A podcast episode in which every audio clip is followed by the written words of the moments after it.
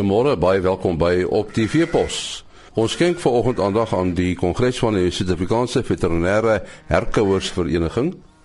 En dan praat ons ook met 'n uh, eh, veldbeampte van BKB Jan Joubert. Ons uh, gesels nou met professor Dietmar Holm en ons gaan met hom praat oor 'n uh, kongres wat die uh, Herkouersveeartsvereniging van Suid-Afrika vroeër die week gehou het daar by Gaudini in die Kaap.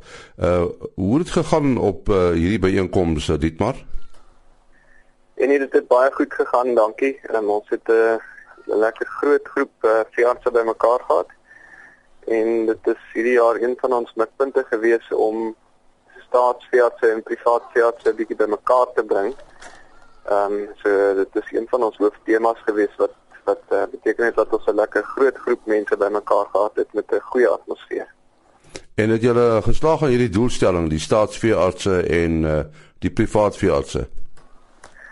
Ja, so hierdie doelstelling het eintlik gekom uit die OIE wat die internasionale liggaam is wat dieregesondheid beheer se verslag wat hulle gedoen het oor Suid-Afrika se veeartsdienste.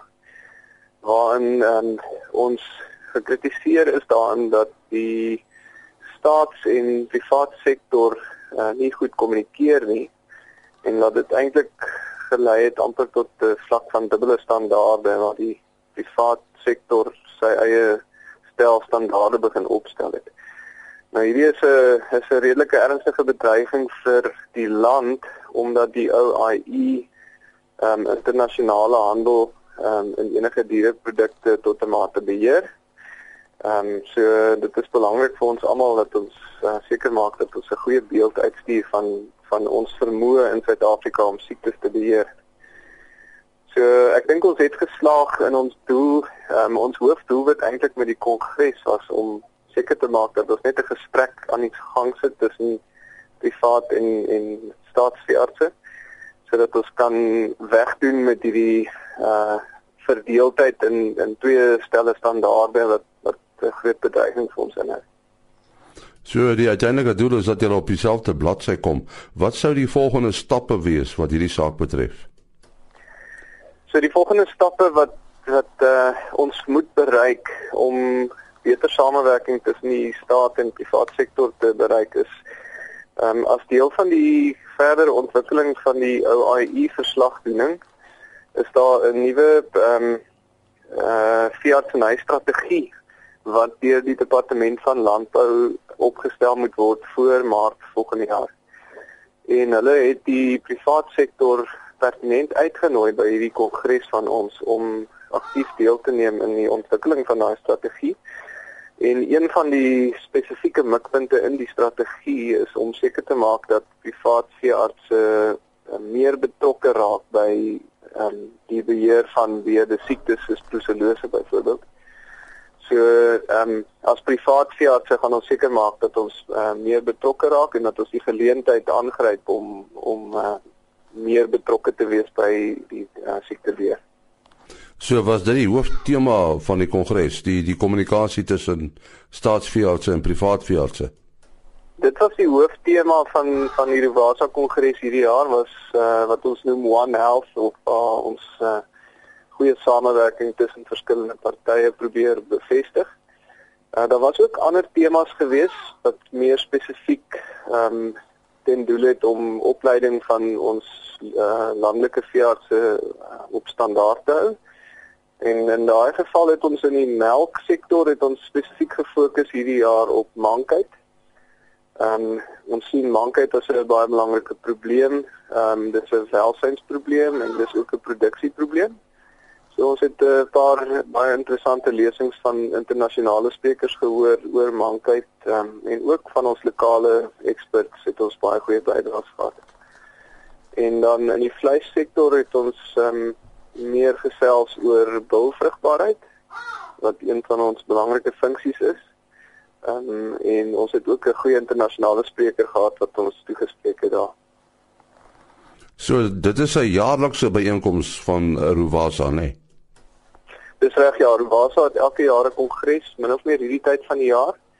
En ons betrek ongeveer 160 tot 180 veeartse uit die landelike praktyke van Suid-Afrika. Ehm um, asook 'n paar mense van van ons buurlande.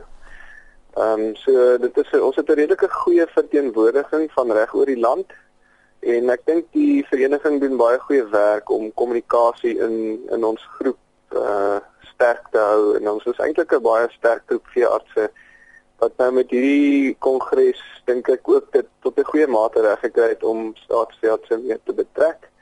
En ek dink die die toekoms is blink vir ons uit my oogpunt. Dit maar daar daar was ook 'n ander belangrike aankondiging wat vir julle nogal baie werd is, nê? Nee?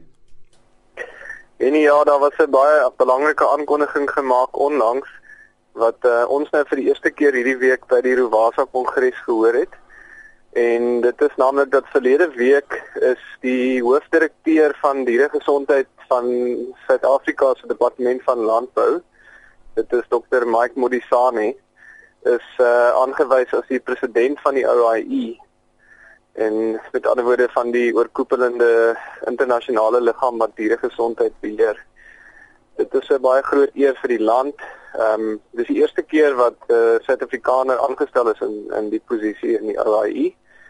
Ehm um, so ons is nogal baie trots op hom en ek dink dit plaas Suid-Afrika uh in 'n goeie posisie ook ehm um, wat ons statuur internasionaal betref. So dit is inderdaad 'n baie goeie aankondiging geweest. Baie dankie professor Dietmar Holm wat gesels het oor hierdie kongres van die uh, herkouers uh, veeartsvereniging van Suid-Afrika. Jan Joubert is 'n uh, veldbeampte van BKB en ons 'n uh, bietjie met hom praat oor sy werk. Uh, wat is die werk van 'n veldbeampte uh, Jan? Ja, dit is 'n is eintlik 'n taamlike wye ding. Ehm um, ek ek beskou dit altyd maar net is is, is om met boere te help om meer geld te maak met waarmee hulle boer want dit gaan oor die genetiese vordering van die skaap. Jy moet help skaap klas. Jy moet sorg dat hulle die wol reg klas. Jy moet hulle help om die wol te verkoop. Uh dis dis eintlik 'n baie baie veld. So as jy so na jou luister, jy werk in die skaapwêreld. Ja, ek werk so in die Suid-Vrystaat, middel van die Suid-Vrystaat. Uh so Redensburg, Kennenburg, Smithfield af tot daar teen die Oranje rivier. En 'n mens moet seker aanvaar dat jy op 'n plaas groot geword het. Ja, ek het in Allewal Noord groot geword in die Oos-Kaap. En is dit maar waar jou belangstelling vandaan kom? Ja, wat? Nee, ek het nog altyd met die skaap groot geword, nog altyd met hulle gewerk. Ek hou van skaap, ja. Wat is die grootste behoefte van skaapboere? Is dit kommunikasie met julle ouens? Ja, daar daar is 'n behoefte aan kommunikasie. Hulle wil natuurlik die beste pryse hê vir hulle produkte, wat wol en vleis is. En uh, ek dink dit is wel die grootste behoeftes. Uh besoek jy gereeld jou kliënte? Ja, nee, nee, daaglikse basis. So jy's 'n man wat nogal taamlik kilometers op die wiele sit. Ja, nee, ek ry ongelukkig, dis maar een van die nadele van ons werk, ons sit maar baie kilometers op. Ek ry so omtrent 85000 km per jaar. En wat sou jy sê is die belangrikste eienskap wat iemand soos jy moet hê om om jou werk behoorlik te doen? Ek dink seker die integriteit is die belangrikste. Ou uh dis iets wat jy nie kan koop nie. Jy jy moet dit heeltyd hê. En as jy dit eers verloor het, is dit weg. Jy jy het gesê jy help die boere om geld te maak. Gaan dit nou oor die verkoop van produkte of gee jy ook raad oor uh oor hoe skaap uh, mee geboer moet word? Ja, nee, ons ons ons gee definitief uh baie met hoe hoe geboer word met uh, skaapstelsels intensiewe stelsels, ekstensiewe stelsels.